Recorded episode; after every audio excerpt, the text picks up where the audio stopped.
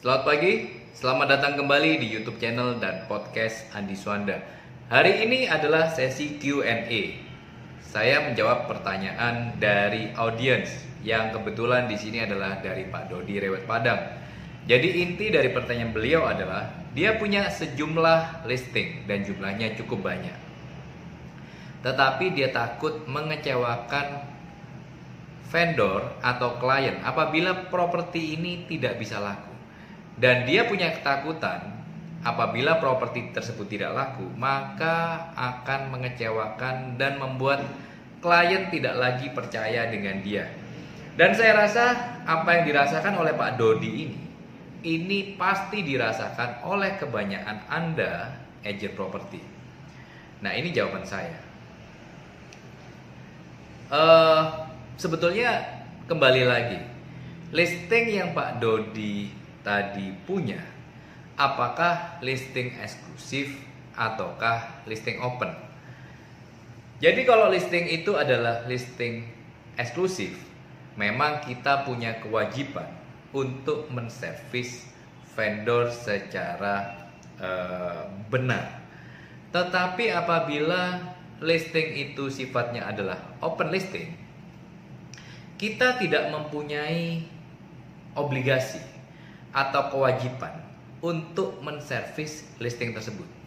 Jadi kalau memang jawab jawabannya adalah listingnya banyak open, jadi sebetulnya kita tidak perlu khawatir karena kita tidak dituntut oleh vendor atau penjual properti untuk betul-betul menjualkan properti mereka.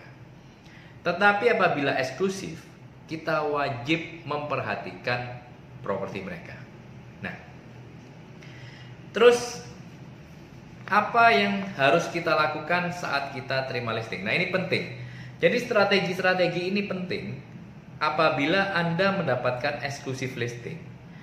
Strategi ini penting supaya klien itu tidak marah kepada Anda apabila propertinya belum laku juga terjual. Nah, langkah-langkah ini sering saya pakai dan setiap kali saya listing, ini langkah-langkah ini selalu saya pakai sehingga akhirnya membuat klien yang titip properti sama saya itu tidak sampai uh, marah atau kecewa karena propertinya tidak laku. Nah, hal pertama yang harus kita lakukan. Jadi pada waktu kita pertama kali ketemu dengan calon vendor atau penjual, pada waktu kita presentasi listing dengan uh, vendor, strategi pembicaraan mengenai harga, posisi harga properti itu harus benar. Kadang banyak agent tidak memberikan advice mengenai strategi harga dengan benar.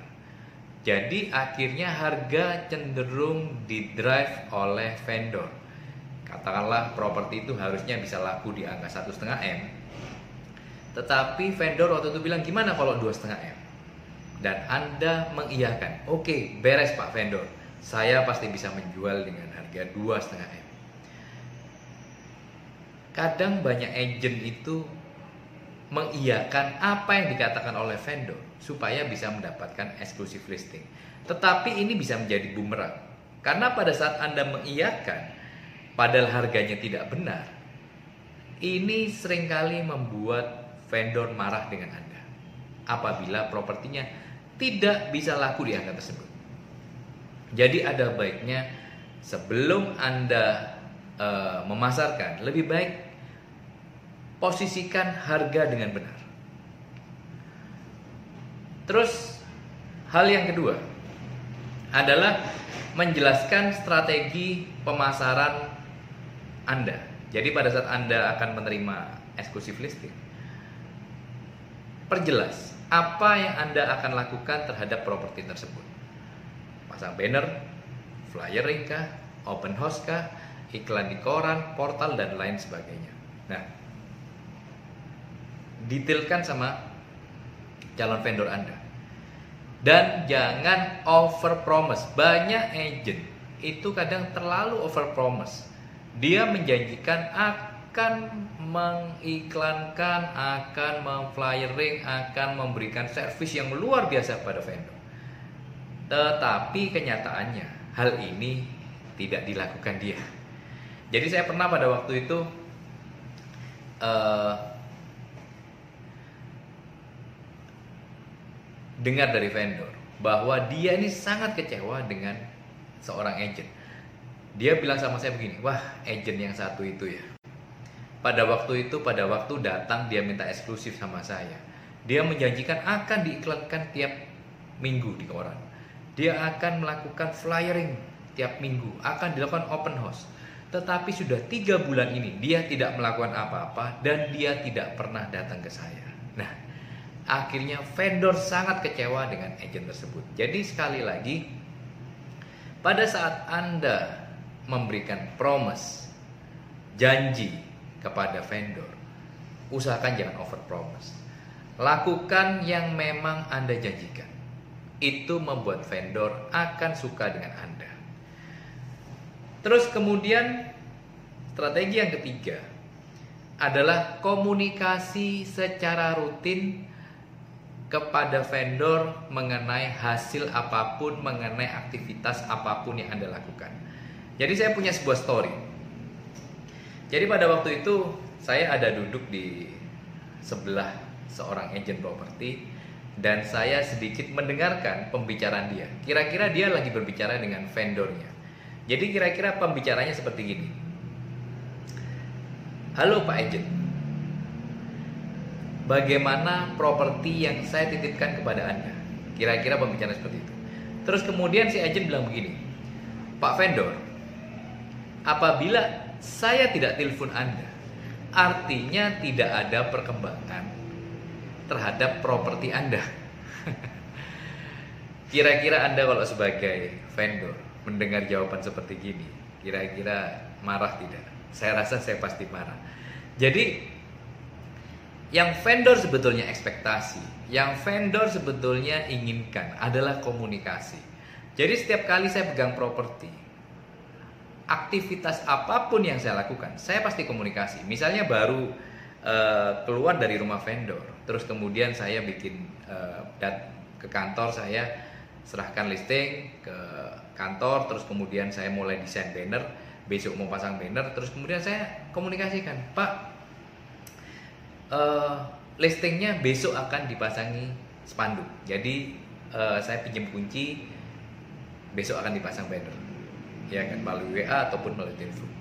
Begitu spanduk sudah terpasang besoknya, saya laporan lagi, Pak, spanduknya sudah terpasang. Nanti ada respon atau apa, kita akan kabari. Terus kemudian besoknya lagi saya masukkan portal, saya laporan lagi. Pak, hari ini saya masukkan portal di portal A, B, C dan seterusnya hari Minggu saya melakukan open house, saya laporan, Pak, hari Minggu saya akan melakukan open house. Nanti saya akan beginikan. Terus hari Minggu saya sudah open house kan, saya laporan lagi, Pak, kemarin yang datang ada dua orang. Nanti kita akan follow up lagi. Nah, jadi komunikasi tidak pernah terputus. Komunikasi selalu terjalin dengan baik. Banyak dari agent kesalahannya adalah Komunikasi hanya pada saat ada yang mau lihat atau melakukan penawaran. Tetapi kita tahu apabila suatu properti itu kadang bisa tidak ada yang lihat, bisa tidak ada yang nawar. Misalnya dalam tiga bulan tidak ada yang lihat, tidak ada yang nawar. Masa Anda mau putus hubungan atau Anda tidak komunikasi dengan vendor? Jawabannya tidak. Anda tetap harus komunikasi. Jadi komunikasi adalah kunci di pada pada saat Anda pegang listing.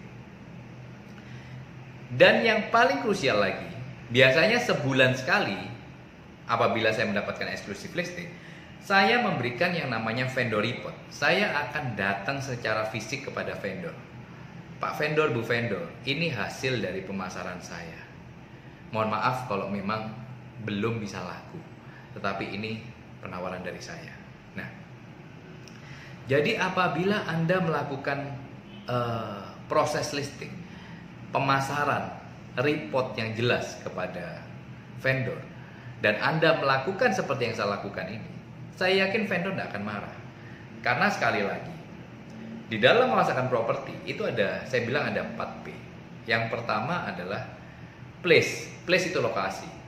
Lokasi peran dari siapa? Pasti peran dari vendor, dia beli di lokasi itu. Terus yang kedua adalah produk atau bangunannya itu. Bangunannya gimana? Layak jual atau tidak? Produk adalah peran dari vendor. Terus kemudian P yang ketiga adalah price, harga. Harga juga yang mengiyakan adalah dari vendor. Peran kita hanya ada di P yang terakhir, yaitu promosi. Jadi sebetulnya di dalam menjualkan sebuah properti, peran kita hanya seperempat. Tiga perempat adalah peran vendor. Jadi apabila Anda tidak bisa menjualkan listing dan Anda memang sudah melakukan semuanya seperti yang saya katakan tadi. Memang ada dua kemungkinan vendor, respon vendor. Tetapi 80% vendor itu akan tidak apa-apa. Karena kebanyakan apabila saya sudah melakukan hal-hal tersebut, 90% listing itu mau diperpanjang lagi hak eksklusifnya hanya 10% yang akhirnya mungkin ya sudahlah kamu tidak berhasil menjualkan dalam tiga bulan saya open kembali. Paling itu. Tetapi tidak membuat mereka kecewa dengan saya. Karena saya sudah melakukan yang terbaik yang bisa saya lakukan. Semoga jawaban ini berguna bagi dan menjawab pertanyaan dari Pak Dodi tersebut. Thank you